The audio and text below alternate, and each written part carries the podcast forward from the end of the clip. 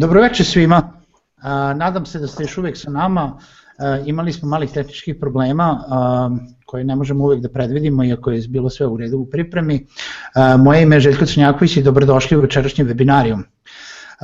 Mi smo se u jednom momentu zaleteli pa smo počeli već priču i onda smo saznali da, da nas niko ne vidi pa smo pokušali da ispravimo grešku. Nadam se da ćemo sada stvarno da emitujemo naš program. Želim da se zahvalim svima koji su sa nama, koji su uporni, koji, koji nas gledaju iz nedelje u nedelju, a i novim gledalcima koji su se pridružili samo za ovu temu. Večerašnja tema je kako raditi i zaraditi putem interneta.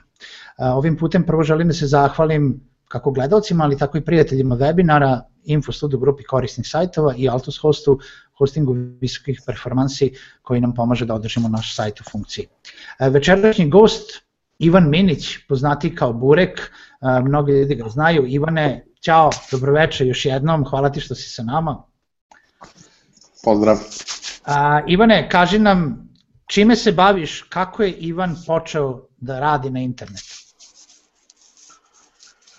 Pa to je duga priča, to je duga priča koja traje već više od 15 godina. E, sve je počelo sa tim da sam E, zbog odličnog uspeha imao prilike da biram da li hoću da dobijem e, Sega Mega Drive 2 ili računar i e, ja sam izabrao računar i evo i 15 godina kasnije mi je kasno, mi je žao što nisam uzeo Sega Mega Drive 2. Ali dobro.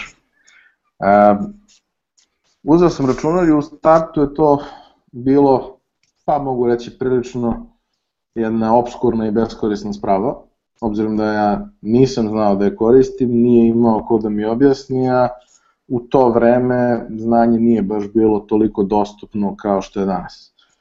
Morao sam da se snalazim, da kada god imam prilike da, da, da, da pitam i da, da učim da, da te prilike iskoristim i uh, polako, sam, polako sam se u, u tom smislu razvijao. Evo, zapravo prošlo je, prošlo je 20 godina. Evo, 95. sam otvorio prvi internet nalog, sećam se na Eonetu, bio sam među prvih 10.000 korisnika i od tada je prošlo punih 20 godina. Um, polako, kako je i internet postao moćniji i kako je postao dostupniji ovde, sve više sam se uključivao u razne uh, stručne zajednice i zapravo sam najviše sa takvih mesta crpeo znanje. Uh, zašto to kažem? Pa, um, kada pogledam unazad tih 20 godina, zapravo zajednice najrazličitije su i obeležile moj život i učinile ga ovakvim kakav, kakav danas jeste. Uh, prvo sam bio vrlo aktivan na, na Elite Security-u, nešto malo manje na benchmarku, ali Elite je pokrivao sve teme koje su mene bile interesantne, onda se ukazala prilika na čuvenoj Security žurci koja je bila humanitarnog karaktera. Ovaj, bile su podeljene neke nagrade i ja sam dobio priliku da po prvi put uh, dobijem plaćeni web hosting i domen. Tad smo se svi snalazili na nekim free hostovima i to je bilo jako strašno. Ovaj, dobili smo, dobio sam priliku za tako nešto, odlučio sam se da to bude burek i to je nešto čime sam bio preokupiran narednih desetak, 12 godina. Poslednjih godinu ili dve nisam toliko više aktivno uključen u, u Burek zajednicu, ali operativno i dalje vodim, vodim sam posao. Uh, Burek je bio važan iz više razloga. Prvi razlog je to što sam upoznao zaista fantastične ljude i, i dan danas sam sa mnogima od njih prijatelji Burek mi je negde sa, sa te neke strane kontakta omogućio da upoznam E, većinu meni zaista, zaista važnih i dragih ljudi. Sa druge strane, bio je od starta jako ambiciozno zamišljen i e, ideja je prosto bila da se stalno razvija, kako nije bilo mogućnosti da, da se neko e, sa strane time ozbiljnije bavi, nas nekoliko prijatelja koji smo se međusobno pomagali smo zapravo morali da naučimo sve te stvari koje smo želeli da izmenimo. Bilo da je u pitanju administracija servera, dizajn ili programiranje, prosto to je bio jedini način da, da napredujemo što se toga tiče. I uh, iako jako dugo od Bureka nije bilo nikakvih prihoda, on mi je omogućio da naučim stvari oko, od kojih sam dalje živeo. Prvi posao je bio vezan za web, prvi moj pravi plaćeni posao je bio vezan za web i e, preko prijatelja koje sam opet upoznao na nekim zajednicama, dobio sam priliku da e, radim neke online fizikalije, unošenje teksta, pravljanje nekih tabela i slične stvari. Ovaj, I e, na taj način sam dobio neki skroman novac i imao rešene plaćene internet sata, što je u tom trenutku bila prilično, velika stavka. Um, razvijao sam se u nekoliko smerova što se učenja tiče, pošto sam negde mislio da uh, prosto da bih nešto napravio moram svakako naučiti mnogo toga više. Bavio sam se developmentom i dan danas se bavim kada moram, nije baš nešto što, što pretarano volim, ali dizajn se tu negde provlači već, već godinama. Uh, prvi ozbiljniji projekat uh, koji sam dobio desio se nekoliko godina kasnije kada sam imao 18-19 godina, kada sam opet, zahvaljujući aktivnosti na, na jednoj zajednici, bio u pitanju neki uh, međunarodni forum koji se bavio pametnim telefonima, ja sam tad bio baš jako zainteresovan za to, ljudi tamo su me znali, znali su da dosta lepo crtam, da, da je to prilično interesantno, jer sam im radio avatare i potpise za forum. I jedan od njih me kontaktirao i pitao da li želim da pomognem na projektu koji se radi i da razvijam uh, za, za njega uh, neki, neke segmente dizajna. Uh, ja sam naravno rekao da sam zainteresovan i narednih 3, 4, 5 meseci sam proveo radići na tom projektu imao sam sreću da sam jako dobro uspevao da komuniciram sa ljudima, što je tada bio prilično veliki problem na projektu i zapravo sam od junior dizajnera vrlo brzo došao do toga da budem project lead za, za jedan segment i da imam dosta ljudi, eh, da kažem, ispod sebe pod, pod nekom eh, kontrolom i eh, kada smo konačno završili taj projekat, kada je sve bilo spremno za launch, svi smo bili uredno plaćeni, s te strane je poslodavac ispao krajnje korektan, ali je odlučio da projekat nikad ne pusti live. I to je meni bilo jako čudno i ostalim kolegama je to bilo čudno, ali on je procenio da više nema smisla uh, izlaziti na to tržište zbog nekih promjena koje su se desili i odustao od projekta koji je uložio mnogo. Mnogo situacija u narednom nekom periodu, narednih deseta godina su, su bile slične na prvu loptu mi nisu bile jasne, ali su bile uh, prilično, prilično ovaj, edukativne dugoročno. Uh, zahvaljujući opet posle godinu ili dve, zahvaljujući jednoj drugoj zajednici, zajednici koja je bila okružena oko Opera web brauzera, upoznao sam uh, koleginicu s kojom uh, sam se vrlo brzo isprijateljio, a koja je imala mali design biznis, odnosno malu developersku firmu u, u Americi i falio je dizajner. Krenuo sam da, da radim sa njom neke sitne projekte, to je funkcionisalo jako dobro, uh, počelo je da raste, u jednom trenutku je postalo prilično veliko. Uh, zahvaljujući toj firmi, stekao sam mnoge zanimljive kontakte, postao sam partner, radili smo vrlo zanimljive stvari narednih nekoliko godina, sada nešto manje jer prosto ne stižem da se bavim time, ali na neki način to je, to je bio jedan jako bitan korak u mom razvoju, a u tom celom periodu sam u više navrata pokušavao sa dosta dobrim uspehom kroz razne freelancing platforme da jurim poslovi i da ih, da ih odrađujem. E, onda a, nekoliko godina kasnije, pošto prosto postoji dovoljno mnogo godina da, da postoji nekoliko tih stekova po par godina, a, nekoliko godina kasnije, zahvaljujući a, mom velikom i beskreno dragom prijatelju Nebojši Radoviću, a, koji je koga, koga sam upoznao zahvaljujući Bureku pre 15 godina, a koji je umeđu vremenu postao uh, rock zvezda srpskog interneta, došli smo u situaciju da uh, mnoge neke cool i zanimljive stvari koji se tiču društvenih mreža i marketinga na internetu koje zapravo niko ovde nije radio jer prosto nije bilo nije bilo dovoljno svesti ni kod agencija, ni kod firmi, a oni koji su nešto i znali o tome nisu hteli da se bave srpskim tržištem. Dobili smo priliku da mnogi od tih stvari radimo i da sa većinom lokalnih agencija uh, ostvarimo saradnju kao, da kažem, kreativni tim i uh, kasnije kao tehnički realizator, odnosno podizvođač za, za mnogi njihove projekte.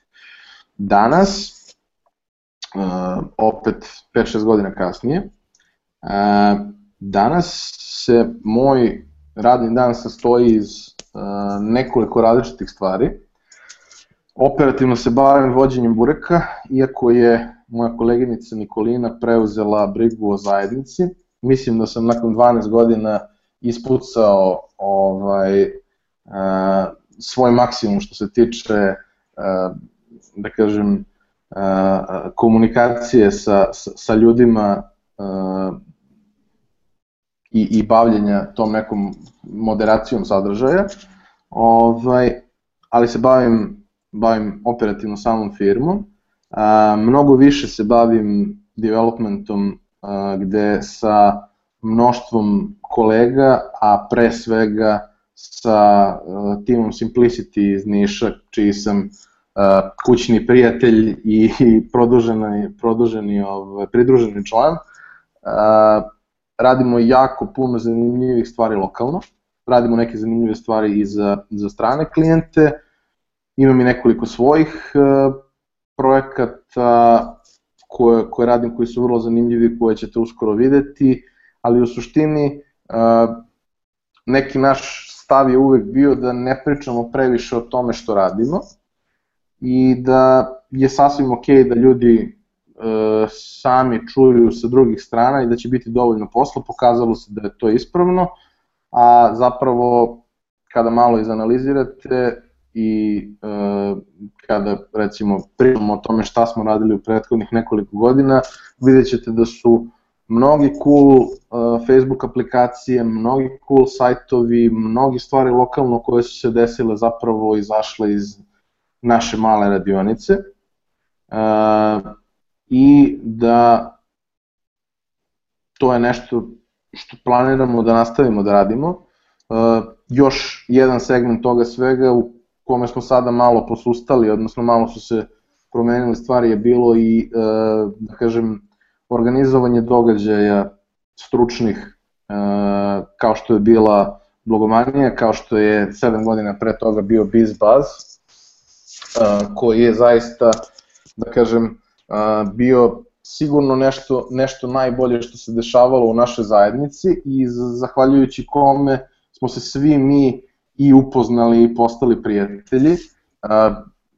Ta neverovatna kombinacija dobre energije, dobrih ljudi, zanimljivih tema, a sa druge strane opuštene atmosfere neverovatnog, neverovatnog odnosa domaćinskog prema, prema ljudima kakav je ovaj, Vita godinama negovao. E, prosto, ako postoji jedna stvar koju mislim, koju mislim da zaista fali, bez obzira na to što postoje i, i drugi događaji, bile su i blogomanije, bilo i ovo posle što, što je Zoran radio sa, sa, drugim saradnicima, e, nedostaje BizBuzz, zato što e, tako nešto mislim da više ne može da se ponovi. To je bio trenutak u vremenu i sve je prosto, prosto bilo savršeno. Uglavnom, zahvaljujući raznim zajednicama, radio sam i radim razne prilično zanimljive cool stvari. Ja ću, o, ova zadnja rečenica je izuzetno, izuzetno dobra, ali ja, ja da rezimiram ovako šta sam pokupio iz svega, kaže, pored toga što si napravio jednu među prvima online zajednicu koja nije usko stručno vezana, koja je okupila oko 2 miliona korisnika, je tako? ovaj, u, u nekom periodu. A, znači, za naše gledalce Ivan radi sve što ste ikada videli na našem webu, a shodno godinama koje si rekao, imaš tu negde između 35 i 135 godina. Shodno tome što, koliko godina je sve trajalo. Pa, Tako. Da, mislim, dosta je, vreme može da se kompresuje. Da. Vreme se kompresuje tako što ne spavate. To je recimo jedan od vrlo efikasnih načina da kompresujete vreme i onda mnogo više može da stane. E, a, dešavale su se, kažem, e, jako, jako, jako lepe i zanimljive stvari. Mnogo je mnogo je pojedinačno projekata, sad e, zvučaće možda nadobudno ili, ili nekorektno sa moje strane da to kažem, ali mi u svakom trenutku radimo na više od 20 projekata istovremeno. E, najrazličitijih mogućih i upravo moja ne, moj neki fokus u prethodnim, e, po prethodnih nekoliko godina je bio na tome da e, se bavim project managementom mnogo više nego bilo čim drugim. Ok, razvio sam i, i dosta dizajna, jer je prosto postao to zahtevao, ali e, mene ljudi, e, recimo to ovako, Istok i Nebojša, moji dragi prijatelji, su ljudi koji su u stanju da smisle svašta i mogu da vam obećaju mnogo toga ja mogu da realizujem stvari koje oni mogu da obećaju. I tako je sve počelo. moja, moj najveći kvalitet je što ja deliverujem. I to je ono zbog čega me klijenti jako cene i zbog čega moj portfolio izgleda bolje od uh, fotovola za Ligu šampiona. Mislim, zvuči nezahvalno, ali zapravo zaista je impresivno. Jeste, definitivno kada se pogleda, stvarno, stvarno je tvoja karijera veoma impresivna i ne želimo ni da, ovaj, da krenemo u samo sagledavanje svakog projekta jer, jer bi ovaj webinar morao da traje barem par dana, definitivno. Ovaj, no, da se vratimo na sam početak, pričali smo o tome da ćemo ljudima da otkrijemo kako da radi e, i da zarade putem interneta, pa i, pričat ćemo i o onima u IT struci, a pričat ćemo i onima koji nisu u IT struci. Za početak, Šta nam je neophodno da znamo uh, sa znači sa tvoje tačke gledišta neko ko se inače bavi kompletno internetom, šta nam je potrebno da znamo kada se upuštamo u, u bilo kakvo poslovanje putem interneta? Pa, e, kako dosta pričam na ove teme i mnogo najrazličitijih ljudi me kontaktira i pita za savete, um, zaključio sam, iako sam inicijalno mislio da to možda i ne mora da se kaže, zaključio sam da zapravo mora, i osnovni preduslov da e, možete da krenete u bilo kom smeru i da iskoristite realni potencijal e, koji vam internet nudi je da znate engleski. Ne morate ga znati savršeno, ne morate ga pisati savršeno, ne morate ga govoriti savršeno. Morate ga razumeti dobro i morate raditi aktivno na tome da on bude što bolji. E, postoji naravno prostor i za ljude koji možda ne znaju engleski, ali znaju neki drugi uh, svetski jezik, naravno sve to, sve je to u redu, ali prosto najveća količina uh, besplatno dostupnog znanja je dostupna na engleskom jeziku. U bilo kojoj oblasti. A, što znači da znam, moramo da znamo engleski zato da bi nastavili sa učenjem. Naravno i da bi komunicirali sa, sa bilo kakvim a, a, klijentima po, po, putem interneta potencijalno. A, gde je to gde možemo da se usavršavamo na internetu? E, gde je početi? Zavisi šta su interesovanja, ali e, moje mišljenje je da je najveći da postoje dve neke najvažnije stvari koje karakterišu internet kao, kao platformu. Prva stvar je e, da postoji jako puno prostora da se nešto radi.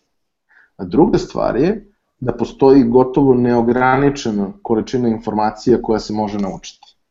I e, samo je stvar u tome da ljudi treba da pronađu šta je nešto što ih interesuje, šta je nešto što je upotrebljivo, što može da se monetizuje i da se fokusiraju na to. E, zašto to kažem? U kom smislu to govorim?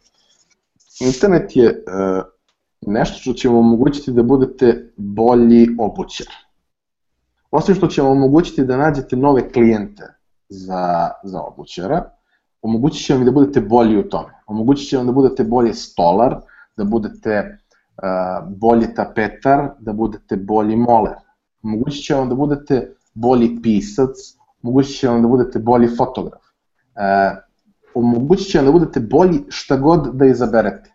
Evo, konkretno danas, e, vrlo je bitno, da se napomene konkretno danas, jer, jer je to jedna tema koju ja jako često pominjem kada, kada držim predavanja za, za neke najšire narodne mase.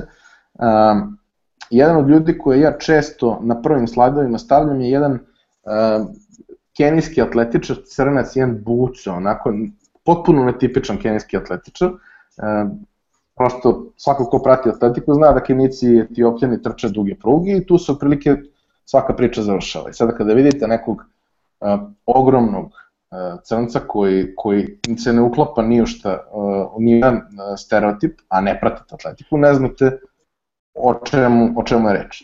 I uh, uglavnom gotovo niko u publici ne prepozna ko je u pitanju. U pitanju je uh, Julius Jego. To ime možda ne znači previše, ali oni koji, koji prate uh, atletiku su ga sigurno zavolili u prethodnih nekoliko godina. Uh, jedan od najvažnijih događaja u mom životu, a možda ćemo posle dotaći i kako je do toga došlo, je bila činjenica da sam bio na olimpijskim igrama u Londonu.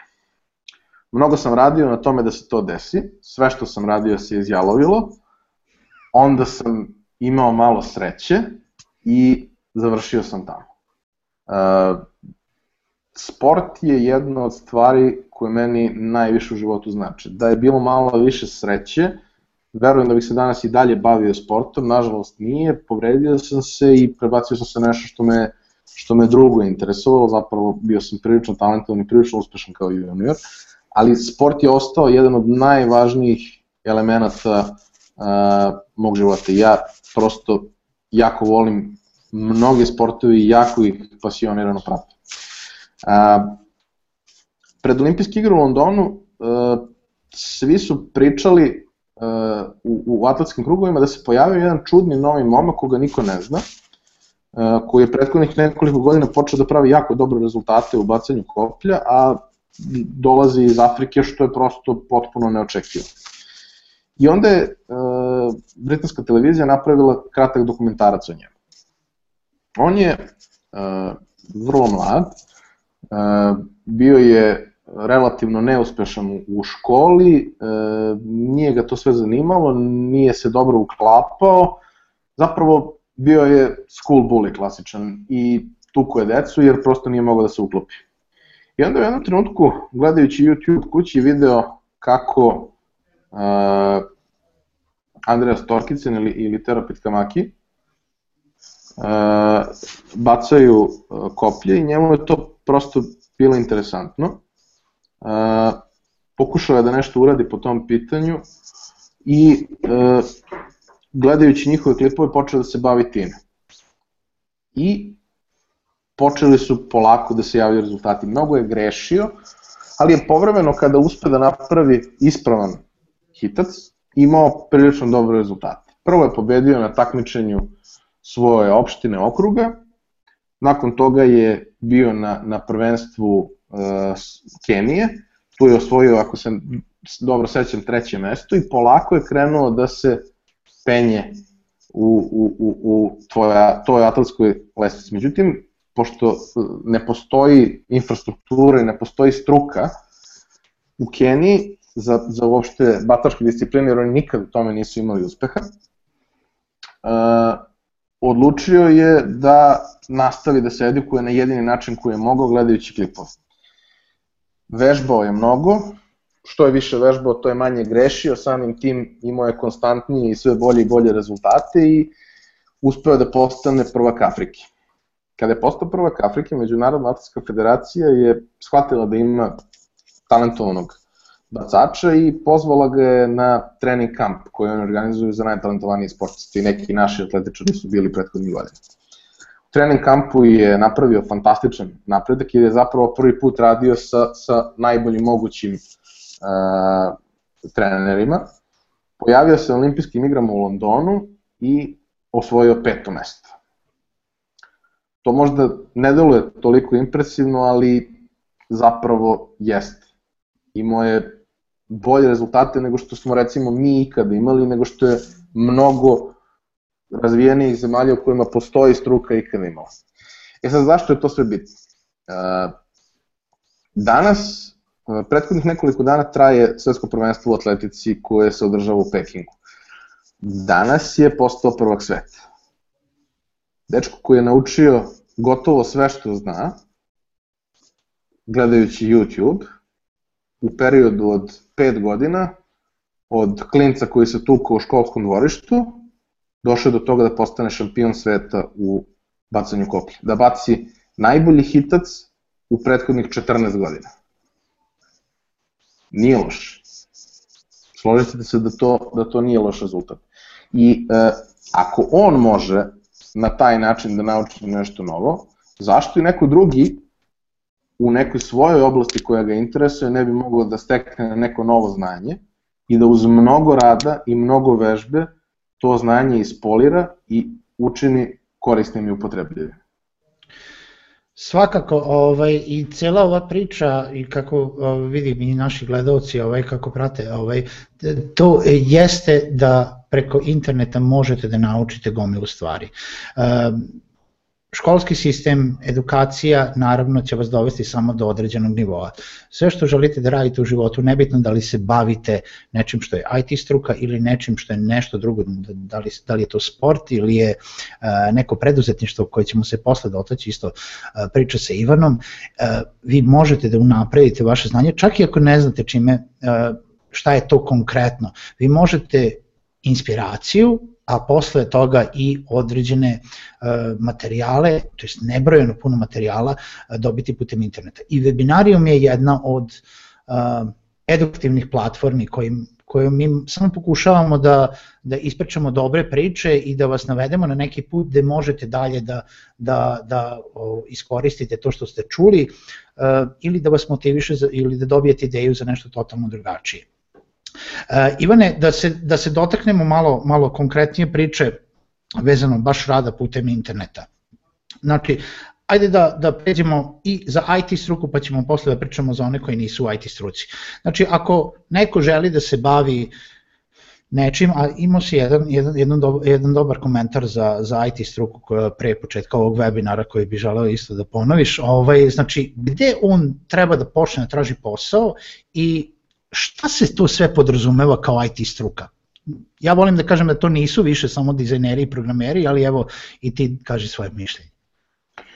Uh, ja se trudim da primere koje koristim budu van samog IT-a iz razloga što smatram da ako ste u IT-u i imate neko realno znanje, čak i ako ono nije možda preterano napredno, ako ne možete da pronađete posao, verovatno je problem u vama.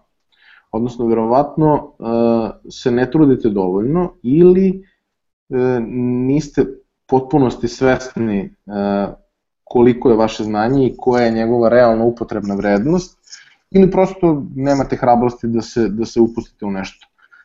Situacija sa, sa IT strukom i kod nas i u svetu je takva da posla ima mnogostruko više nego što ima ljudi koji mogu da ga urade. Tako da mislim, zvučaće banalno, ali u svakom trenutku u Srbiji ima mesta za još 5000 dobrih PHP programera koji će od prvog dana moći da računaju na platu od 1000 eura. Znači, to je prosto, prosto tako. Zašto i nakon 5 godina od trenutka kada je, kada je ta, ta činjenica postala dostupna, mi nemamo novih PHP programera? Pa jednostavno, zato što je to e, proces što je potrebno uložiti mnogo vremena i naučiti mnogo toga. I e, nije samo stvar u, u učenju, stvar je u tome da te stvari koje ste naučili treba primeniti u praksi. To je e, nešto što, gde, gde mnogi ljudi padaju. E, razlog je pre svega u tome što ne mogu da se snađu i ne znaju na koji način prosto mogu da, da, da, da prikažu ono što znaju i kako mogu da sebe testiraju. E, često pričamo, ok, ja sam talentovan, imam neko znanje, imam e, neke e, veštine koje, koje mogu još i da nadgrađujem, ali kako ja da izgradim portfolio? Pa nije to zapravo uopšte toliko teško. Ukoliko se bavite ne znam, izradom sajtova, odnosno to vam je neki cilj, da se bavite izradom sajtova ili, ili izradom grafičkih nekih rešenja dizajna, uh, uvek ćete naći ljude koji, kojima je vaša usluga potrebna, a nemaju načina da je plate. Uh, naravno da nećete raditi za, za firmu, ali možete raditi za neku organizaciju koja možda uh, podržava neki, neki cilj koji je vama blizak ili neku humanitarnu organizaciju ili nešto slično. Njima će to mnogo značiti, oni će moći da preporuče dalje vaš rad, a sa druge strane vi ćete steći dodatno iskustvo, steći ćete neke nove kontakte i steći ćete nešto što je prilično vredno, a e, što će vam obogatiti portfolio.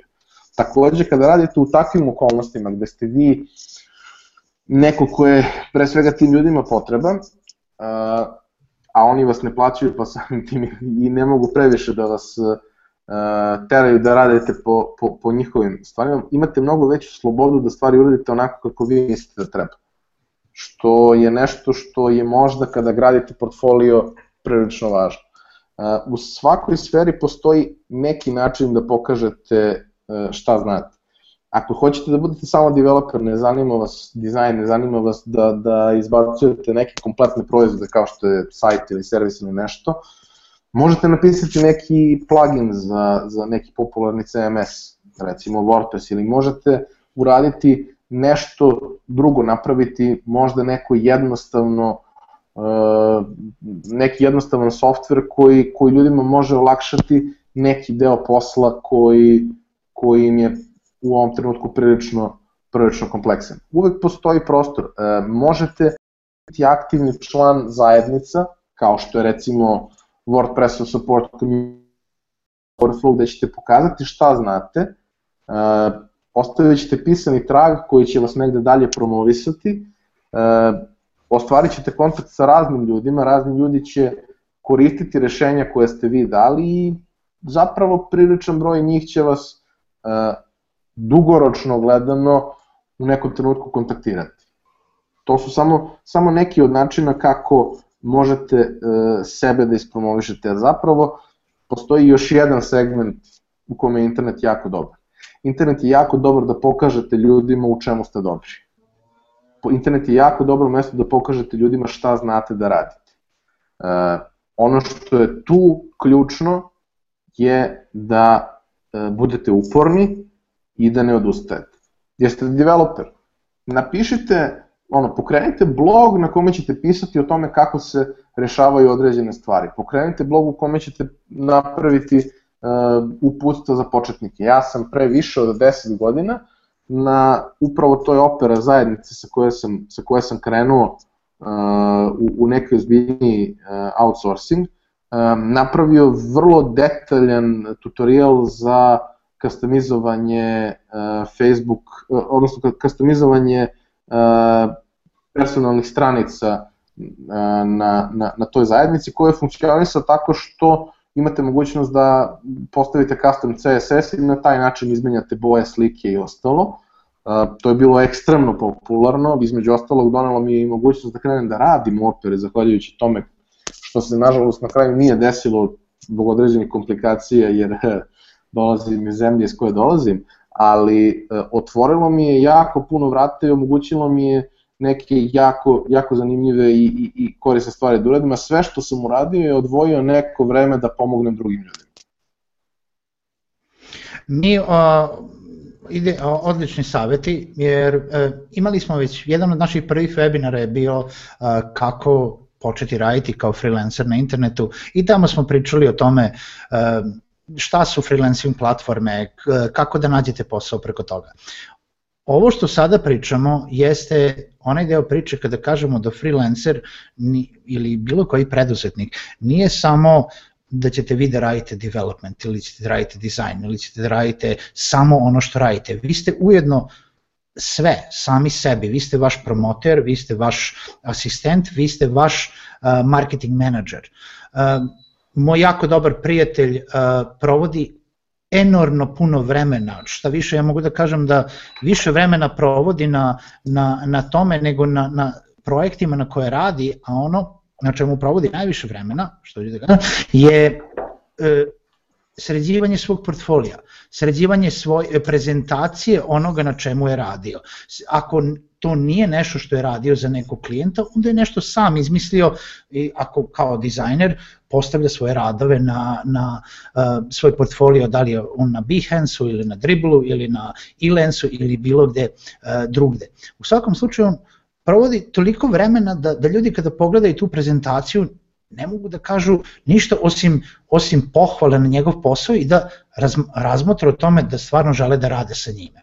E, tako da potrebno je određeno vreme uložiti u sebe i internet vam može pomoći u tome da proširite e, kao što Ivan kaže, to o čemu radite, nebitno da li je to kroz blog, kroz vaš lični sajt, kroz nešto što ste uradili pro bono za nekoga ili kroz mini projekte koje ste radili. U svakom slučaju potrebno je odvojiti vreme a to je ono što mnogo, mnogi ljudi ne rade.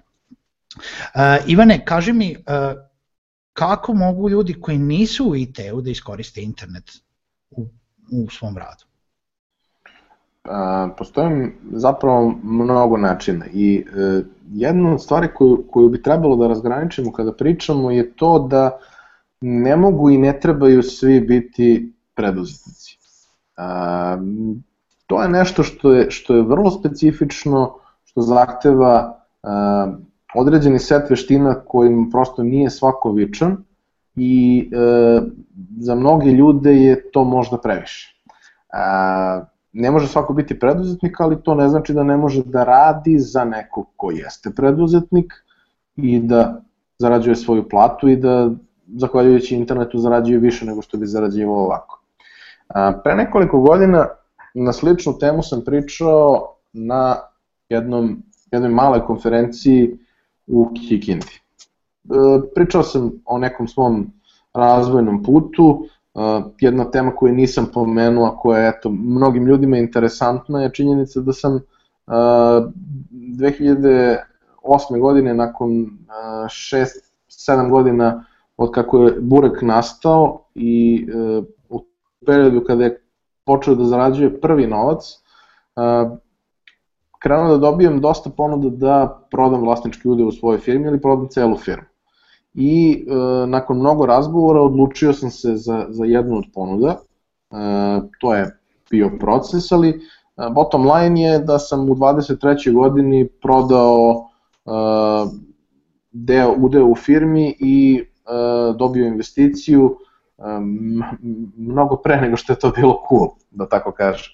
Zapravo, e, u Srbiji u tom trenutku investicije su dobili e, Infostud i Burek, u, i to u razmaku od nedelju dana.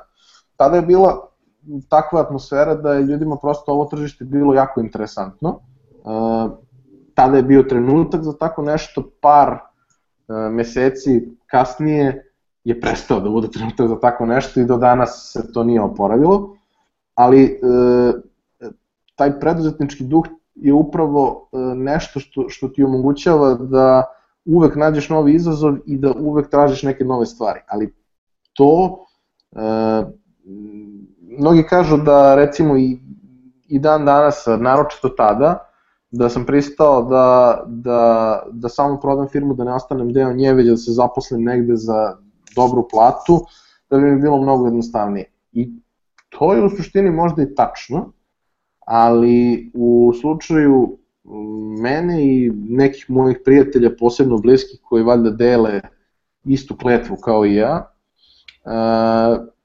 mi smatramo da na taj način ne možemo da menjamo svet. Mislim, koliko god to preambiciozno zvučalo, ali da, zapravo se svodi na to. Ne možemo da radimo stvari koje, koje zaista želimo, ne možemo da se usavršavamo u smerovima u, u kojima bi voleli i e, na kraju krajeva ne možemo da budemo sami, sami sebi gazda. Odnosno, morat ćemo da odgovaramo nekom i u najboljem slučaju taj neko će biti skroz ok, ali statistika kaže da u dovoljnom broju pokušaja ovaj, će se da to baš i ne bude tako.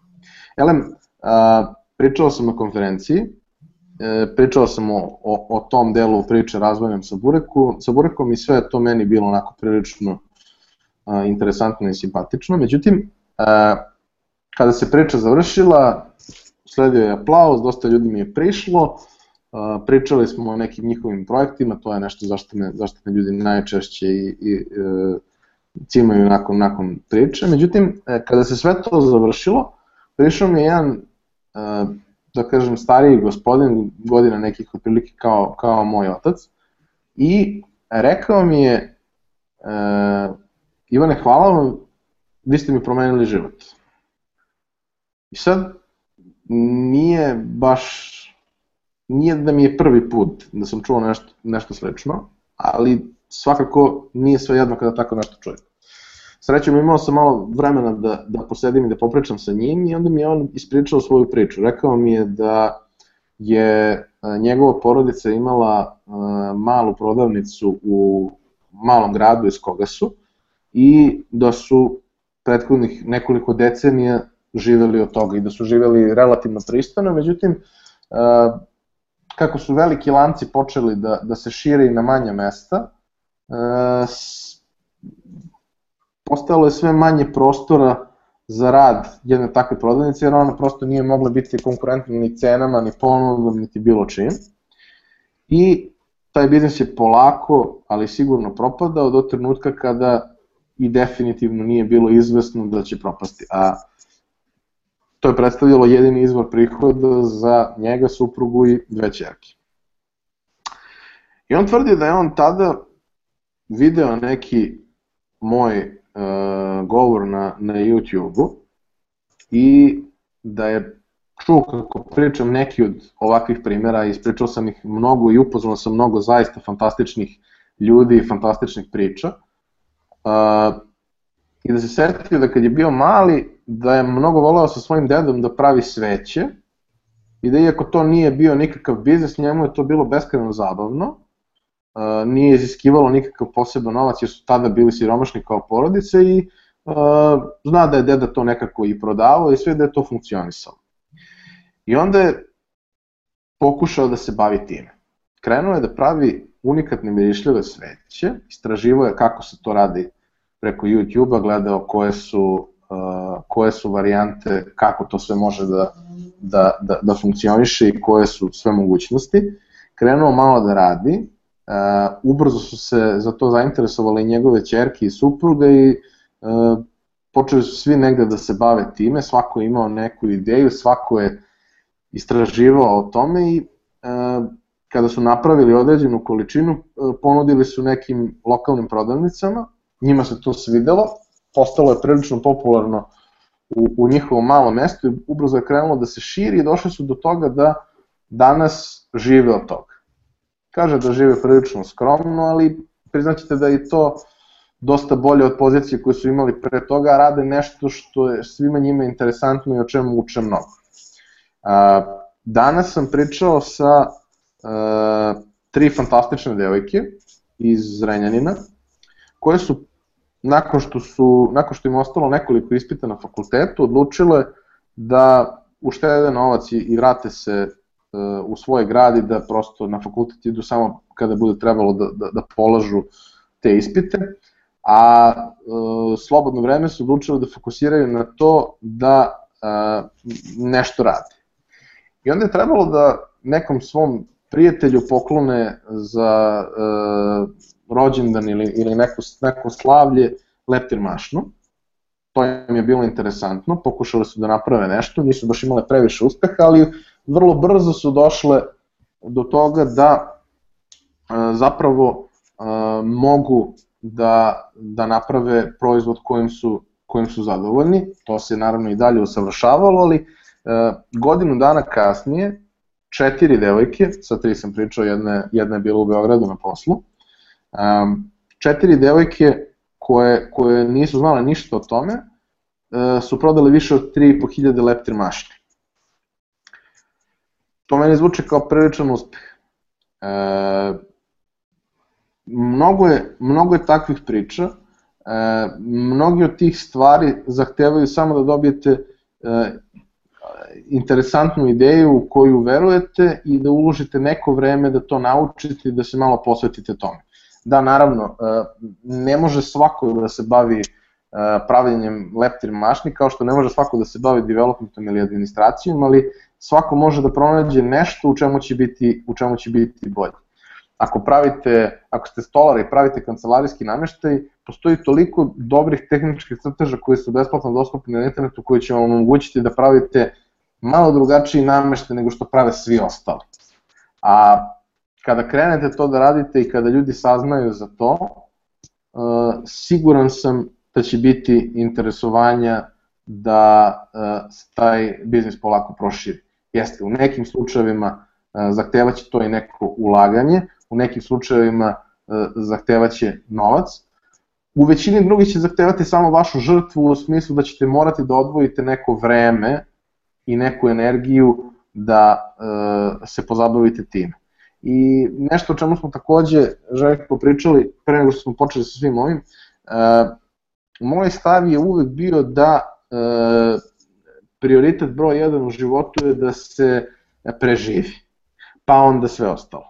E, samim tim, vodeći se, vodeći se time, e, moja preporuka je uvek da e, ljudi rade svoj posao, kakav god daje, a da nakon toga izdvoje vreme i posvete se onome što, što vole ili onome što misle da e, može da dugoročno napravi neku razliku.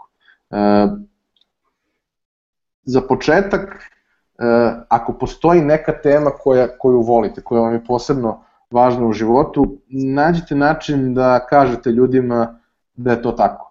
Okupite oko sebe ljude koji imaju slične interesovanje. Uh, moj prijatelj Petar Vojnović je pokrenuo Tango 6 pre, uh, mislim, 5-6 godina i bio je samo još jedan od klinaca koji se loži na avione i koji bi hteo da bude pilot. Danas je konsultant uh, mnogih aviokompanija koje planiraju nastup na, na regionalnom tržištu, napravio je jako uspešnu priču, a u odnosu na sve ostale klince koji se lože na avione, najosnovnija i jedina razlika je činjenica da se konstantno usavršavao prethodnih nekoliko godina i da nije ni u jednom trenutku odustajao od toga da e, uči nove stvari, piše o tome, deli sa drugima i ljudi koji ga poznaju, znaju i koji ga ne poznaju, znaju šta je njegova najveća strast i šta je nešto u šta se razume. Tako isto, jako puno ljudi zna da meni sport znači toliko koliko mi znači. Zbog toga sam doživeo mnoge lepe stvari, bio sam na olimpijskim igrama u Londonu, bio sam nedavno na MotoGP-u, podelio sam sa ljudima to koliko godina i kako pratim tenis i bio sam na Roland Garrosu, radio sam nedavno jako dobru i, i jako uspešnu Android i web igru za Freakom sa sa Milošom Teodosićem i ići ću za nekoliko nedelja na evropsko prvenstvo na kome ćemo, daj Bože, osvojiti zlato.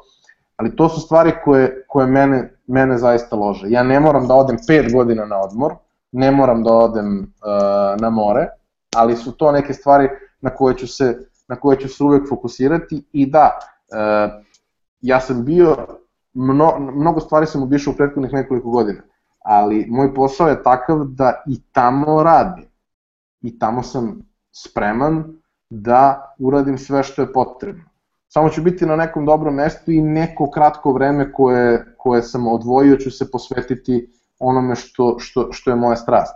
Ali to što sam ja 7 dana u, u Barceloni ili što sam 5 dana na, na Roland Garrosu ne znači da tih 5 dana neće biti ovaj, odgovoreno ni na jedan e-mail i neće biti ni, rešen ni jedan problem klijenta. Oni to očekuju i njih ne zanima i imaju pravo po tom pitanju da te stvari budu isfilmovane bez obzira na to gde se nalazimo. Danas je bar jednostavno naći rešenje za, za, za tako nešto u svakoj situaciji. Za početak, u svaku zemlju u koju idem, e, kupi se lokalna 3G kartica, to je investicija od 10 e, ili 20 eura, a u svakom trenutku imate internet kod sebe.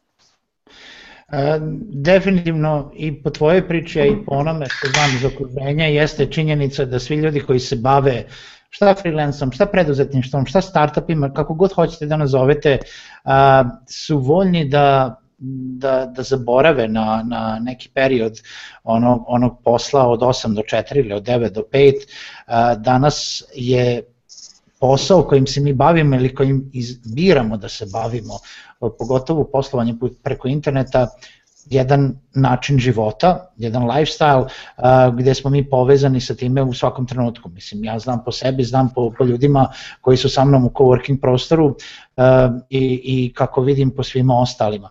Uh, Ivane, pričali smo o tome da jedan veliki udeo u, u poslovanju putem interneta i naravno prom, taj, taj deo nekog samopromocije, pa čak i učenja, čak i um, sticanja novih znanja i izlaženja iz te neke čaure da sedim sam ispred računara i, i samo gledam i, i mislim se o tome šta bi mogao da radim, jeste i povezivanje sa drugim ljudima uh, kroz da li online zajednice, da li uživo konferencije, znači to je taj neki networking. Koliko je to bitno po tebi i koji su najbolje načini da se, da se ono ostvari? Mm, to je najvažnije. To je apsolutno uh, najvažnije i uh, ja sam pre nekoliko godina napisao nešto što sam nazvao vodič, uh, vodič za upotrebu konferencije. Uh, ja sam neko ko je u suštini prilično stiljiv. Ja sam introvert. Nisam neko ko voli da se eksponira, nisam neko ko, ko voli da upoznaje ljude, ne prija mi jednostavno, ne prija mi takve stvari, ali kroz vreme sam uspeo da istreniram sebe da postanem dobar u tome. Zato što to daje rezultate. E, zato što to osim što daje rezultate u nekom poslovnom smislu, zapravo čini život mnogo oštruko lepšim i boljim.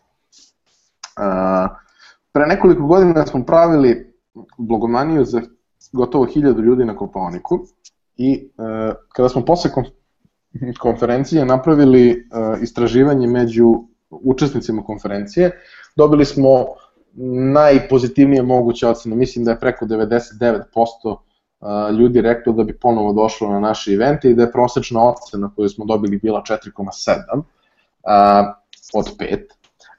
Ali sećam se, pošto sam detaljno prošao kroz kompletan feedback koji smo dobili, sećam se jednog učesnika konferencije koji je dao negativnu ocenu, dao je lošu ocenu i napisao vrlo detaljno svoje mišljenje i, i šta on smatra da je zapravo najveći problem u celom slučaju. I uh, njegovo mišljenje se svodilo na, na, na jednu rečenicu. Uh, nije postojao organizovan uh, prostor uh, i vreme za networking i uh, niko uh, nije pokušao da me upozna sa nekim drugim. Uh, niko neće pokušati da vas upozna sa nekim drugim. Uh, gledajte na to kao na pokušaj muvanja u, u klubu. E, niko neće uraditi e, prljavi i, i, i dosadni posao za vas. Vrlo jednostavno. E, vi ste ti koji treba da skupite hrabrost, vi ste ti koji treba da živite sa ishodom koji će, koji će biti ovaj, u slučaju kontakta, kao i u, u mnogim drugim situacijama. I koliko god vam je neprijatno da to uradite, vrlo brzo, ako se osmelite da to uradite, vrlo brzo ćete shvatiti da vredi. I da, iako možda postoji ovaj, odbijanje i u nekim slučajevima nerazumevanje, opet možete da naletite na, na apsolutno fantastične ljude. A, opet referenciram na, na, na moj blog, ali prosto baš dosta ljudi me kontaktira u vezi onoga što tamo pišem i jedan od najpopularnijih tekstova na, na blogu je tekst uh, kako da nešto kresliš. I njemu se govori o uh, Warrenu Beattiju, koji je prethodnih pola veka bio jedan od najvećih hollywoodskih zavodnika. I uh, uz njega su se prethodnih, dakle 50 godina uh, vezivale najlepše žene sveta i uh, imao je jako, jako puno uspeha kod dana. osim činjenice da je bio uspešan sportista, da je bio brat i dalje brat Shirley MacLaine i da prosto postoji i taj neki porodični moment i, i, i, i taj neki sportski moment, njegovo mišljenje sa kojim se slažem je da to zapravo nije bilo presudno. I u jednom trenutku kada, kada ga je novinar pitao uh, kako, ovaj, misli, kako vama uspeva to sa toliko žena, uh, on mu je rekao, pa ja svaku ženu koju upoznam i koja mi se dopadne pitam da spava sa mnom. I novinar ga je pitao, pa dobro šta, i sve pristanu.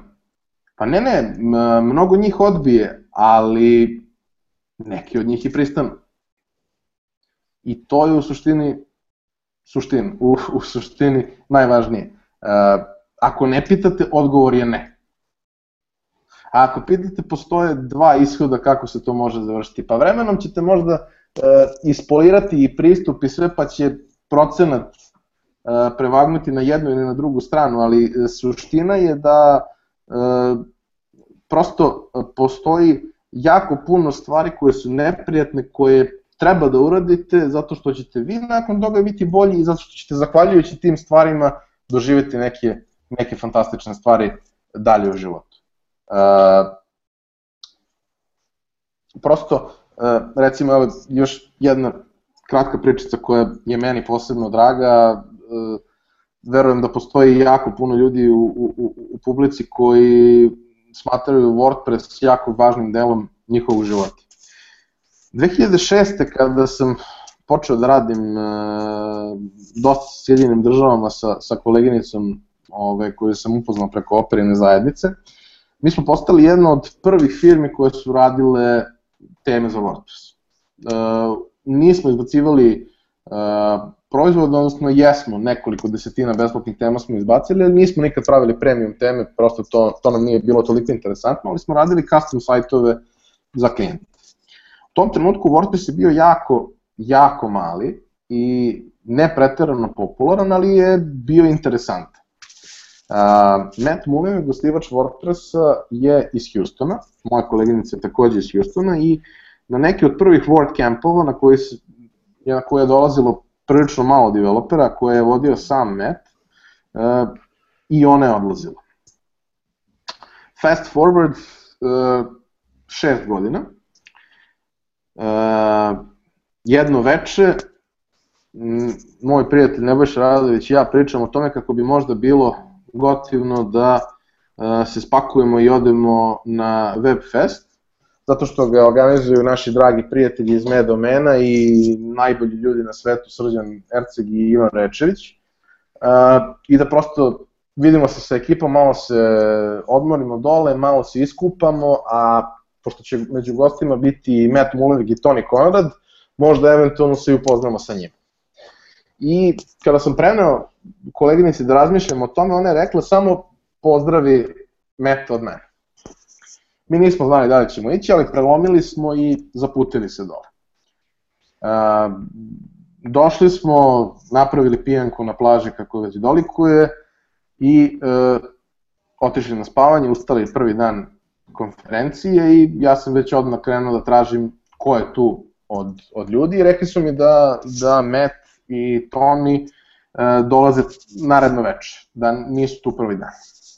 Ko dobro, je planirano neko druženje, nešto, bit će koktel pored bazena. Dobro. Kad se završilo, kad se završio dan, otišli smo na neku klopu i pripremili se i došli na koktel. Na koktelu je bilo jako puno zvanica i gostiju i dosta lepo smo se družili. Meni je recimo jedan od, najzanimljivijih ljudi s kojima sam tamo pričao bio uh, Young Lee koji je podpredsednik GoDaddy-a koji je tokom svoje prezentacije pominjao neke zanimljive statističke podatke, međutim, e, e, za sva pitanja koja su bila iz publike, e, rekao je da ne može da da odgovor. Jer prosto ne može da da, dok kamere snimaju odgovore na neka pitanja koja se tiču njihovog biznisa, koja su specifične. Posle pet piva, o svemu je bio spreman da priča i podelio je sa mnom razne fantastične stvari osim toga, e, pričali smo o tome kako se priprema krompir u e, Arizoni i e, recimo da smo imali vrlo slično mišljenje o tome šta bi tu trebalo promeniti. To je čovek koji je podpredsednik jedne od najvažnijih firmi na internetu, firmi kod koje stoji preko 100 mojih domena, koji je zapravo potpuno normalan i opušten, samo mu je potrebno prići. I uh, nije bilo baš previše ljudi koji su bili zainteresovani da pričaju sa njim. U jednom trenutku, uh, već nekoliko ovaj, desetina minuta u, u, toku našeg razgovora pojavili su se konačno Toni i Matt. I apsolutno svi su ih zaskočili kako to uvijek biva, ljudi su pričali svašta, videlo se da, da ni jednom ni drugom to baš nije previše prijatno, ali prosto profesionalci su prošli su mnogo toga i zašto ne bi istrpeli tako nešto. To je trajalo neko vreme, koktel je funkcionisao, ja sam i dalje pričao sa, sa uh, simpatičnim Azijetom, pridružilo se još neko društvo, bilo je zapravo prilično dobro zezanje. I u jednom trenutku kada sam primetio da se gužva raščistila, da je gospodin Muleveg otišao negde sa strane i da polako čačka svoj telefon i da je beskreno srećan što, što nema nikog oko njega. Ja sam mu prišao i onako obazrivo mu rekao, izvini, molim te, e, moram samo da prenesem pozdrav od moje koleginice. I on je, njemu je to bilo interesantno i pitao me, e, pa dobro, ko je tvoja koleginica? I ja sam mu objasnio ko je i onda on rekao, da, da, da, sećam se, kao, to su, to su bili prvi campovi, znam da je ona imala nekog dizajnera. Ja sam taj dizajner. Narednih e, pola sata koktel ulazio u, u, u, u završnu fazu i e, neka ideja je bila da se svi pokupimo i odemo na spavanje. E, to nije bila opcija, barem za mene i Nebojšu to nikako nije bila opcija. E, skupili smo gomilu klinaca koji su tu bili, studenta i, i, i generalno mlađe ekipe. E, razdelili smo im radne zadatke, dali smo im keš i rekli e, kako kome, kako šta, da odu do hotela da ih obaveste o nekim stvarima, da ovaj, ne, deo ekipe ode i pokupuje gomilu piva u obližnoj trafici i dogovorili se da odemo na plažu i da malo tamo izblejimo i opustimo se. I zapravo e, gotovo sva cool ekipa se preselila na plažu. Uh, Nikšićko pivo je uradilo svoj deo posla i dva sata kasnije Nebojša Radović, Met Muleveg uh, i moja malenkost smo igrali žabice na ovaj uh, obali Jadranskog mora i uh, rasturali smo meta koji je bio prilično loš u tome, ali smo ga naučili. Uh, ekipa u, u, u, u jednom kraju plaže je sedela u krug i pevala. E, atmosfera je bila apsolutno fantastična i u jednom trenutku kada smo završili sa žabicama, svi smo zapravo seli i svi smo krenuli da pričamo i da se zezamo, bilo je tri ujutru i e, neko je, više se ne sećam ko, krenuo da peva bolje biti pijan nego star, e, čemu smo se svi pridružili i generalno narednih pola sata, sat smo svi pevali i e, između ostalog produžili su se i svi stranci i njima je to bilo fantastično što imaju neko normalno, normalno, lepo zezanje na plaži. To je prošlo, mi smo se rastali, svako je otišao u svoje smeštaj i trebalo je da se sutra ujutru skupimo svi na konferenciji. I a, mislili smo da nećemo biti u stanju da ustanemo pre podneva, međutim u 9 sati smo svi bili ispred konferencijske sale između ostalog i Matt i Tony. I iako smo možda na trenutak pomislili da će ih biti sramota svega što se prethodno noć dešavalo i da će se praviti da nas ne poznaju, uh, oni su prišli i rekli, momci, ovo je bilo fantastično, moramo to da ponovimo, ali morate da nam kažete koje su ono pesme bile da naučimo tekstove. E, takve stvari se dešavaju kad vam nije frka. Takve stvari se dešavaju kad vam nije frka i kad priđete ljudima i kad imate malo sreće. A statistički e, imaćete, što više pokušavate, više ćete imati sreće. E, odlična priča. U svakom slučaju ja bih se pridružio ono da kažem svima da je networking, da je ulaganje u sebe i to što Ivan kaže izlaženje iz svoje čaure i pokušaj uh, prilaska ljudima izuzetno isplativ, uh, idite, uh, družite se, jedan od, jedan od osnovnih stvari jeste kada, kaže, kada nemate posao šta da radim, upišite place, Uh, upišite strani jezik, uh, idite negde u, na, na konferenciju neku, uh, nađite se u društvu ljudi koje ne poznajete, a koji dele vaša interesovanja, e, i pokušajte da pričate sa njima. Ne nužno zato što ćete ih povući za rukav i reći, e treba mi posao. Ne. Ali evo, o, mislim, ja sam, nakon što sam prvi put o, otišao, to jest u, u, u poslovanje putem interneta i freelance vode, uložio u sebe i otišao na svoju prvu internet konferenciju i bio zaprepašten gomilom ljudi koji je voljna da priča i da deli svoje znanje i iskustva Isto kao što mi radimo putem webinarijima, kao što Ivan sada radi sa nama.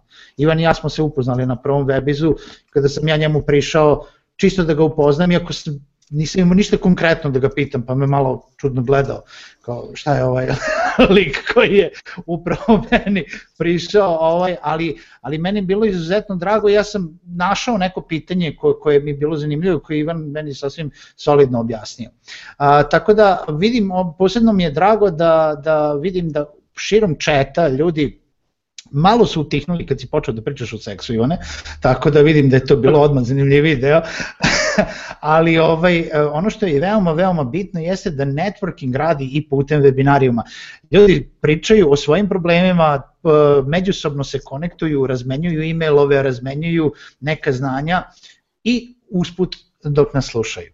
Tako da izuzetno mi je drago zbog toga i želim da pozdravim sve gledalce koji, koji to rade, slobodno ovaj, Ukoliko imate posebno pitanje za nas, kontaktirajte nas putem sajta ili društvenih mreža. Ukoliko imate pitanja za Ivana, mi ćemo ostaviti evo i sad da vidite njegov Twitter nalog dole u ovaj uh, ispod njegovog imena, tako da nije nikakav problem da kontaktirate bilo koga. Uh, ja bi polako da pređemo na pitanja ako uh, nemaš ništa protiv Ivane, imamo nekoliko, pa da polako i završavamo za večeras. A, mislim da smo rekli puno, puno dobrih stvari. E, Ivane, pre nego što pređemo na pitanje, da li imaš nešto još što bi dodao? E, samo jednu stvar koja sam se setio sada kada smo, sada kada si ti rezimirao stvari. E, gledajući, znači ne pratim chat, ne pratim šta se, šta se piše tamo trenutno, ali e, preletao sam chat malo pre i postoji dosta pitanja koje počinju sa e, gde da učim ovo, gde da učim, kako da učim ovo, kako da učim ono. Pa prva stvar koju možda treba da naučite na internetu je da naučite kako da učite. Da naučite gde da tražite informacije. Jer e, um, mnoštvo jako kvalitetnih ljudi će izdvojiti svoje vreme da vam pomognu oko nečega. Ali e, ako ih desetinama puta pitate iznova i iznova stvari koje su koje su takve da mogu lako da se izgooglaju, koje su takve da bi realno trebalo sami da ih znate ili da znate kako da do njih dođete, uh, oni će izgubiti interesovanje i možda će to da bude ocenjeno kao arogancija, ali uh, takvi ljudi zaista nemaju vremena da se bave time. Oni su tu da uh, u nekim situacijama vam kratkom porukom uh, ili, ili malo dužom pomognu u, u uh, dilemi koju nikako ne možete rešiti drugačije. Ali to nisu ljudi koji ćete pitati trivialne stvari uh, koje su vam potrebne da biste završili neki projekat. Za tako nešto postoji, ako je development u pitanju, postoji Stack Overflow, postoji gomila zajednica, neko će vam možda odgovoriti, možda neće, bilo bi super ako vam odgovori, ali uz malo pretrage većinu takvih pitanja ćete moći da rešite i samostalno. Ali da, prva i osnovna stvar je da naučite da učite, da naučite da usvajate nova znanja i da prosto uh, pokušate koliko god je to moguće da sebe držite u treningu što se toga tiče. Uh, Željko je rekao, ako ne znate šta da radite, naučite, naučite novi jezik. Super, to je jako dobra ideja. Naučite neku novu veštinu koju ne znate naučite origami, naučite nešto, no pročitajte nešto, nešto dobro. Zašto? Zato što nikad ne znate kada će to možda upravo biti nešto što što uh, će vam omogućiti da, da se nečim bavite. Uh, znam konkretno slučaj devojke koja je uh, krenula da drži origami radionicu, iako je profesor engleskog jezika, jer kao profesor engleskog jezika nije mogla da se zaposli, a postojalo interesovanje da ljudi nauče uh, origami i prosto njoj je to bilo interesantno. Učila je razne nove stvari i nije prestajala da uči i uvek je nalazila vreme i nalazila način da, da sazna nove stvari i zato mm, koliko god to možda previše generalno zvučalo, ja sam potpuno siguran da ona nikad neće biti gladna. Za mnoge ljude koji, koji nisu spremni na taj način da, da se angažuju, to ne mogu da tvrdim. Dakle, ne postoji ni jedan razlog da stagnirate i da stojite i da čekate da se nešto desi krenite po to. Pa makar krenuli na pogrešnu stranu, naučit ćete važnu lekciju. Nema razloga da, da, da čekate. Eto, što se mene tiče, to je to. Je to. E, vrlo rado ću odgovoriti na sva pitanja koji bude. Evo onda polako prelazimo na pitanja, pa ćemo da, da probamo da ih ovako, kaže, u što sažetije, znači što sažetiji odgovor koji možeš da daš da ne idemo previše u, u ovaj, kako se zove, u detalje. E, idemo redom od, od još ranije pitanja. Uh, Ivane, da li si frontend, backend ili full stack developer? Uh, frontend sam radio mnogo više, backend ne radim preterano dugo, da tako kažem. Uh, mogu da rešim elementarne stvari, ali se u principu ne mešam previše u to. Uh, front sam radio dosta, poznajem ga prilično dobro, jako ne volim da to radim, ali ako je potrebno i ako postoji uh, nešto što hitno mora da se reši, rešit ću ga. Slična stvar je i, sa, i sa backendom, zato što prosto imam jako puno iskustva uh, u developmentu koje seže dosta dugo unazad. Nisam neko ko će da sedne da napiše neku kompleksnu PHP skriptu od nule, ali jako puno toga mogu da izmenim i da prilagodim jer prosto uh, razumem kako, kako funkcioniše e, semantika jezika, na primjer. E, jednostavno, to je ono prosto iskustvo koje, koje, koje stoji. Znači, znam, dosta toga znam, sticajem okolnosti sam morao da naučim i, i neke dosta bitne stvari koje se tiču administracije servera, jer je neko to morao da radi, ali se trudim da ne radim takve stvari osim kada baš mora. Dobro, idemo dalje. E, šta misliš o IT akademiji? Da li se isplati upisati kurs za PHP programera? E, pisao sam o tome na, na, na blogu više puta i m, dosta puta sam ovaj, a, imao i, i neke negativne komentare, ali i more pozitivnih. E, moje mišljenje je da se takve stvari ne uče na kursevima. Znači, ja prosto smatram da, da takve stvari ne možete naučiti na kursu i nećete naučiti na kursu. A, zašto to kažem? Pa postoji e, jako puno ljudi koje sam sreo sa IT akademije ili nekog drugog mesta, a ima ih mnogo sada, um, koji su završili, dali značajnu količinu novca, završili obuku za nešto, mobilni development ili uh, backend developera ili za administratora ili nešto slično, koji nisu imali apsolutno nikakvo uh, primenjivo znanje. Uh, postoji ta fama da ljudi u našoj industriji traže i očekuju um, nekakvu diplomu ili nešto. Niko vam neće tražiti diplomu. Uh, svi će vam tražiti da uh, zadatak koji imaju pred njima uradite da im pokažete način na koji razmišljate. Čak i ako nešto ne znate, ako razmišljate na pravi način, uh, vi ćete možda biti osoba koja će dobiti taj posao. Nisam pobornik kurseva, smatram da kada je web u pitanju, gotovo sve možete naučiti e, samostalno, samo je potrebno malo više truda, a e, postoji ta jednačina, e, odnosno nejednačina koja kaže e, manje truda, više novca i e, manje novca, više truda. E u ovom slučaju ja definitivno glasam da ne trošite novac na takve stvari, već da to iskoristite da se neko vreme potpuno posvetite učenju u, u onoj sferi koja vas zanima.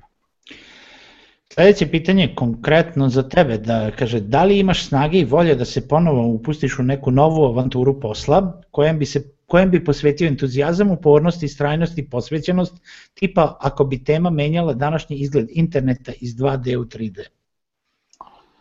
Uh, pa ne znam. Problematično je iskreno zato što uh, na, na svežinu na entuzijazam možete da gurate kada imate 16, 18, 20, 25 godina. Ja ih imam 30, to nije tako mnogo, ali 15 godina radim stvari, 15 godina guram zid, evo tako kažem. I nisam siguran koliko bi bio spreman da se upustim u, u, u neki, nešto u šta ne verujem. Ako nešto verujem, naći ću uvek energije. E, postoji dosta projekata na kojima radim između ostalog jedan prilično ozbiljan i veliki na kome sam sada uh, aktivan, uh, za koji su većina ljudi tvrdili da je jako teško da se napravi gotovo nemoguće. Uh, meni je skroz interesantno ovaj, da radim stvari za koje ljudi tvrde da su nemoguće.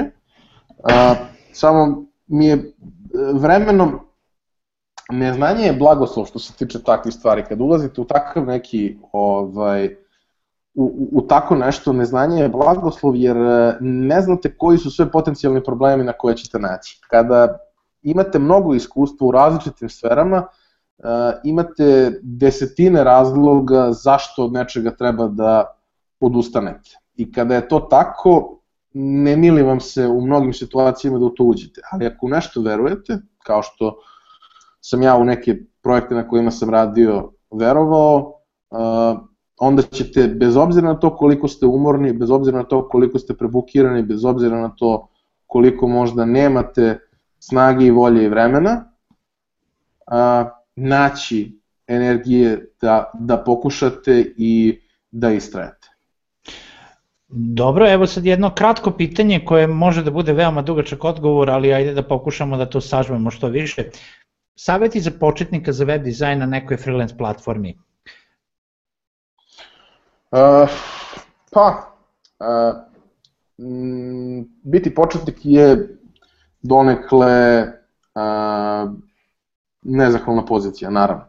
Uh, ono što, što ja smatram da, da je prilično važno je da uh, na svakoj platformi za koju se odlučite, kao što je između ostalog i Lens ili Guru.com ili nešto slično, uh, počnete polako da gradite reputaciju. Šta to konkretno znači? Pa prvo napravite portfolio.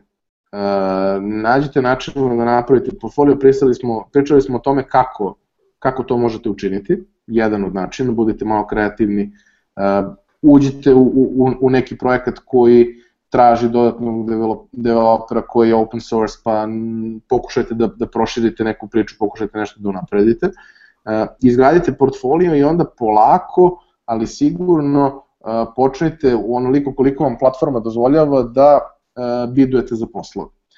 Kada ste početnik, uh, proći će mnogo poslova pre nego što dobijete prvi. Ono što je jako važno je da ne odustanete dok prvi, drugi, treći, peti ne dođu.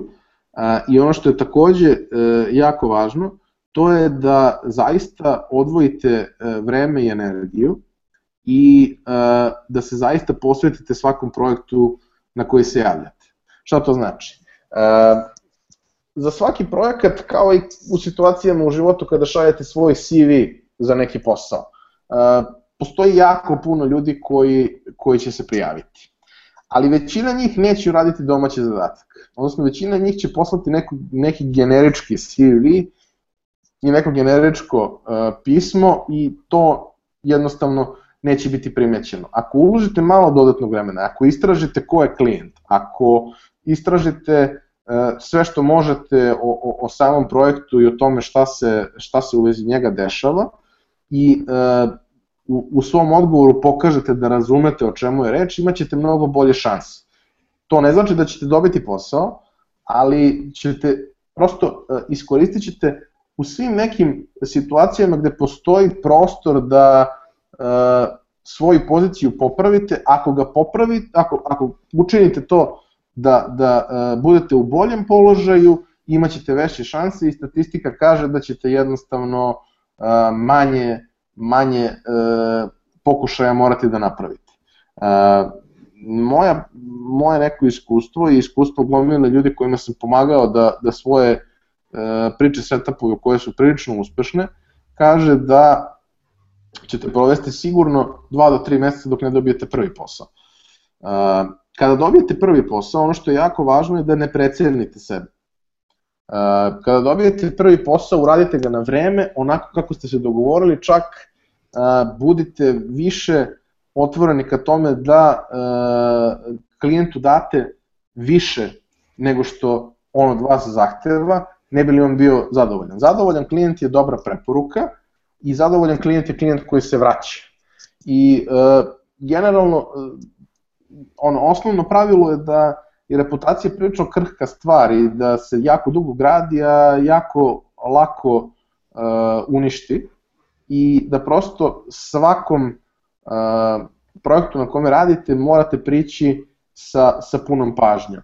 Takođe, uh, ono što, mislim, dosta sam pisao o tome na blogu, možete, možete pogledati malo šta sam o tome pisao, ali jedna od stvari koje, koja je jako bitna u poslu, a naročito u freelancu gde se sve svodi na e, poverenje, je to da e, sa klijentima budete iskreni. I da u slučaju da postoji problem, u slučaju da niste u mogućnosti da stvari uradite na vreme i da vam treba dodatno, dodatni e, nekoliko dana ili nešto slično, čim to saznate, kontaktirate klijenta i odmah mu kažete kako stoje stvari. E, možda ćete izgubiti posao, ali ćete njemu omogućiti da makar nađe alternativno rešenje i da sa njegove strane ne izgubi ono što, je, što, što mu je važno. E, komunikacija je ključ svega, ne postoji ništa gore nego kada dođete u situaciju da e, neko do poslednjeg trenutka priča kako će nešto uraditi kako treba i onda ne deliveruje i ništa se ne desi i onda bude izvijeni. A znao je mnogo ranije da, da, da problem postoji. Kada postoji e, manevarski prostor, e, stvari se možda mogu rešiti, možda se mogu spasiti, a i ako se ne mogu spasiti, e, ako se možda ne mogu dostaviti do, do, do trenutka ovaj, kada je to potrebno, možda može da se kupi neko dodatno vreme, možda može da se odgodi, ali što, što ranije to uradite i e, prosto e, što, što otvoreniji budete kada je to u pitanju, to ćete imati korektniji odnos sa druge strane. Korektan odnos, opet kažem, e, znači to da imate klijenta koji se vraća i sa kojim ćete imati dugoročnu saradnju. Dobro, e, idemo dalje. Kaže, e, da li nakon nekog vremena provedenog na učenju putem interneta, da li je potreban mentor? Uh, super je ako imate mentora i uh, mentori su zapravo i svi oni ljudi koji vas usmeravaju u, u procesu učenja na, na online zajednicama, ljudi koji vam pomažu, ljudi koji vam daju savete. Uh, odličan, odličan scenarij je ako imate nekog koga možete ovako da pitate. I e, često uh, ostavljamo mogućnost i imamo vrlo pozitivno iskustvo sa time uh, u, u, u firmi, da uh, ljudima koji su spremni da uče, a koji su naučili dovoljno da budu uh, upotrebljivi, uh, omogućimo da budu, da kažem, pripravnici neko vreme i da kroz rad u, u realnom okruženju uh, nauče neke nova znanja.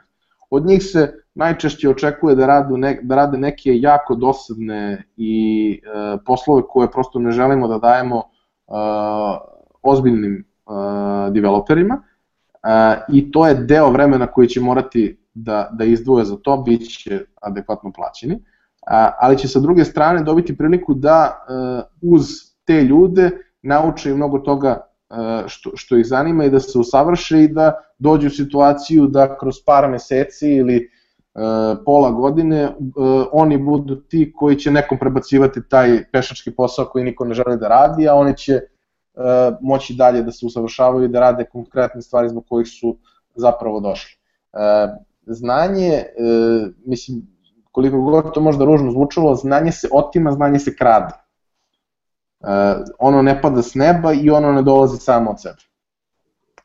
E, dobro, ja, ja ću da odgovorim evo, na jedno pitanje direktno, pa imamo pitanje gde mogu da saznam više o administriranju i promovisanju Facebook stranica. Ja bih preporučio, imamo dva webinara koje smo radili, e, jedan pre nekoliko meseci, drugi sad nedavno sa Aleksandrom Radokinom e, iz agencije Homepage koji se konkretno bave administracijom i promovisanjem Facebook stranice i Facebookom.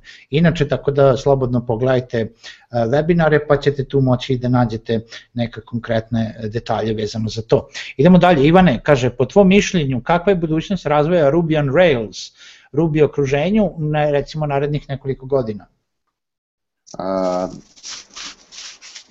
Ruby je jako zanimljiva platforma, po mom mišljenju ima jako puno potencijala i sve je više a, potrebe za, za ljudima koji rade Ruby. Mislim da je to jako dobar izbor ako neko razmišlja u kom smeru da krene.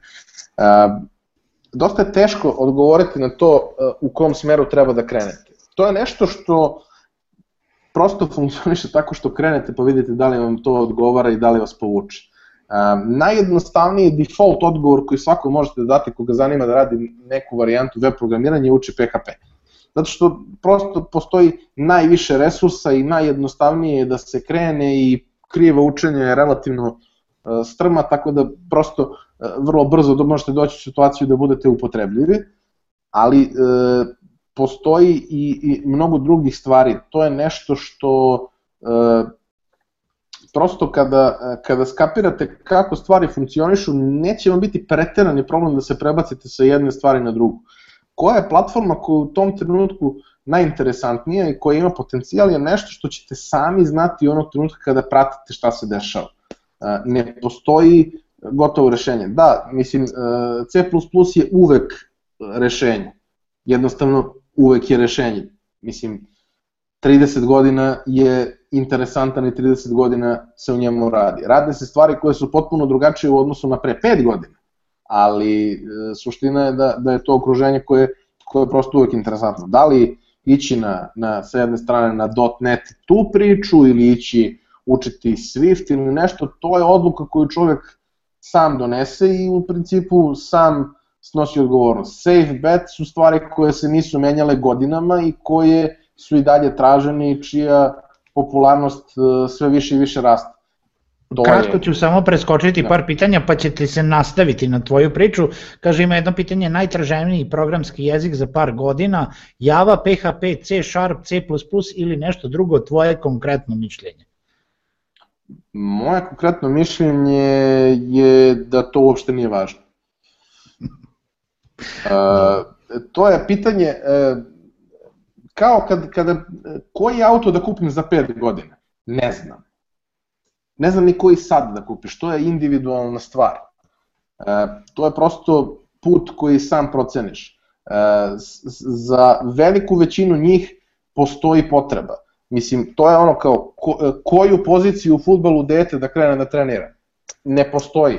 Znači, trenirat će ono zašto stručni ljudi procene da ima najviše smisla da, ne znam, napadači imaju najviše novca, ali ekipa se sastoji iz mnogo više od dvojce napadača ili jednog golmana ili nešto slično. Radite ono što se vama učini da je najinteresantnije. Ako ne znate kako da krenete, krenite od nečega što vam se učini najsimpatičnije kako izgleda. Jedna moja drugarica ima običaj, ovaj, ona devojka nema nikakve veze sa, sa, sa informatikom i e, njen, njen e, princip e, kupovine laptopa se svodi na to koji joj se najviše sviđa kako izgleda. I nju kad pitate koji laptop imaš, ona lepo kaže imam crveni laptop. I to je jedino što je njoj važno. Za nju uopšte nije bitno šta je unutra. Ona nije gamer koju treba ne znam kakva grafička kartica ili nešto. E tako i ovo. Krenite od nečega, vidite da li vam to odgovara, vidite u kom smeru se to razvije i kako se to kreće. Ako vidite da ne ide gde treba, prebacite se na nešto manevrisanje. To je suština svega, ne postoji silver bullet koji će vam rešiti sve probleme koje ja sad mogu da vam kažem, ali uh, jednostavno postoji mnogo puteva koje možete da izaberete i svi ti putevi vode negde. Većina vodi negde ok. Pro, procenit ćete sami koji onaj koji, koji želite da izaberete kada budete znali dovoljno. Odlično. Ja ću polako da kažem da se izvinjavam našim gledalcima, curi nam vreme. Imam vremena za još jedno pitanje. Na neka pitanja nećemo stići da damo odgovor, ali ja verujem da smo dali sasvim dovoljno informacija tokom webinara. Evo Ivane, zadnje pitanje. Postati ekspert u nekoj oblasti ili sticati široka znanja? Pa zavisi. E, recimo, konkretno, e, ako želite da se zaposlite negde i da radite na nekoj specifičnoj poziciji, naravno da morate imati set specifičnih znanja koje ona podrazumeva. E, šta se dešava kad se tehnologija promeni, šta se dešava kada stvari e, ili se prosto izmeni iz korena i prestane potreba za, za vašom pozicijom, to je sad drugo pitanje. Sa druge strane, e, ako znate, ako vam se znanje širi u širinu, a ne u dubinu, imate situaciju da znate mnogo toga, ali da ništa ne znate dovoljno dobro da biste se time profesionalno bavili. E, to vam omogućava da e, nemate ni jednu konkretnu poziciju u sistemu, ali da jako dobro možete da vladate sistemom. E, ja recimo, jedan od razloga zašto sam se e, fokusirao na project management,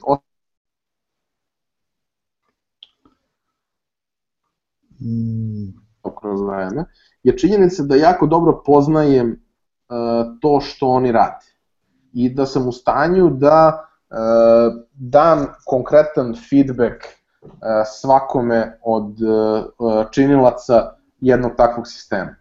To je bila moja odluka, da li bih mogao da budem, da sam se fokusirao na dizajner, da li bih mogao da budem uh, bolji dizajner, da, mogao bih da budem bolji dizajner, ali moje mišljenje je da e, je moj zadatak kao dizajnera da uradim posao dovoljno dobro, da on bude e, pedantno, korektno, profesionalno i precizno urađen, a da ako klijent želi e, nešto spektakularno, nešto što je, što je zaista wow, postoje ljudi koji su bogom dani za to i oni time treba da se bave.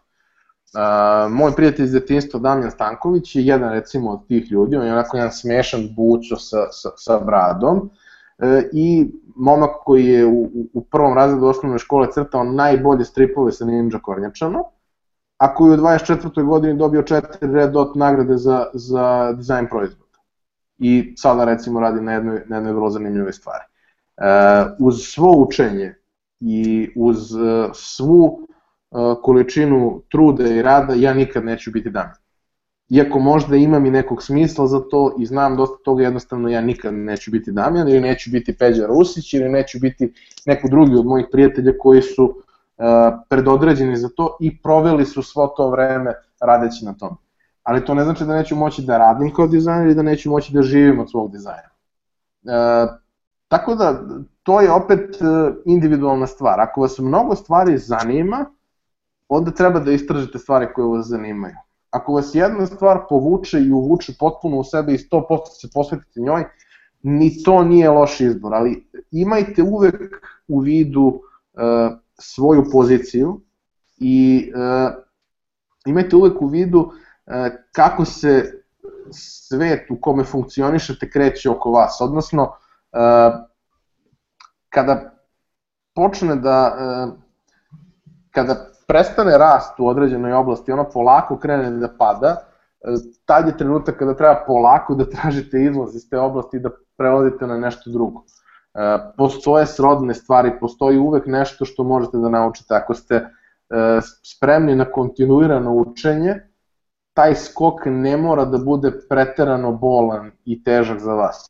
Ali morate stalno biti u toku šta se dešava, kao što morate pratiti vašu oblast, jer u slučaju IT-a stvari se menjaju na, na nivou meseca e, značajno. E, tako prosto morate pratiti i e, možda ne toliko detaljno stvari koje se dešavaju van nekog vašeg najužeg, e, najužeg fokusa.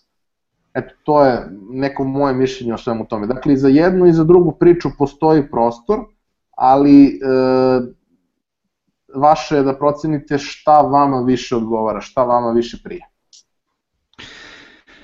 E pa to bi bilo to.